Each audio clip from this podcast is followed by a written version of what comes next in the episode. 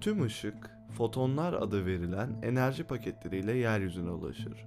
Görünen ışık, radyo dalgalarını, mikrodalgaları, kızılötesi ışığı, mor ötesi ışığı, X ışınlarını ve gamma ışınlarını kapsayan elektromanyetik spektrum denen ışığın tam diziliminin sadece küçük bir dilimidir. Her bir ışık tipi özgün bir dalga boyuna, frekansa ve enerji düzeyine sahiptir. Örneğin radyo dalgaları o kadar uzun ve düşük enerjilidir ki maddenin pek çok çeşidinden onları etkilemeden doğrudan geçerler. Diğer yandan mor ötesi ışık cildinize yakan kimyasal tepkimeleri başlatmaya yetecek kadar çok enerjiye sahiptir.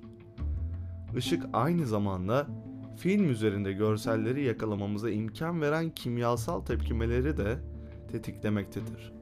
Siyah ve beyaz film, gümüş halitler olarak da bilinen gümüş tuz kristalleri taneciklerinden, jelatin emülsiyonundan ve kalın koruyucu plastik bir tabakadan yapılmaktadır. Gümüş halitler, görünen ışığın tam dalga boyuna, frekansına ve enerji düzeyine hassastırlar. Maruz bırakılmalı durumunda ışığı emerler ve gümüşe çevirirler. Daha fazla ışık olursa gümüş tuz kristalleri daha da koyu olur. Gerçek hayatta en aydınlık olan yerlerin negatiflerinin en karanlık olmasının nedeni budur.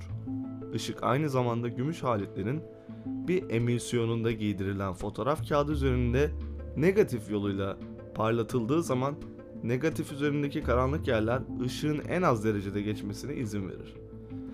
Negatifin üzerindeki aydınlık yerler en fazla ışığın geçmesine izin verir. Bu şekilde fotoğraf kağıdı üzerindeki görsel negatifin zıttına dönüşür. Renkli filmde emülsiyon kırmızının, yeşilin ve açık mavinin ayrı frekanslarına hassas katmanlardan yapılmaktadır. Film geliştirildiğinde renklerin katmanları günlük yaşamda gördüğümüz rengin tüm yelpazesini yaratmaktadır.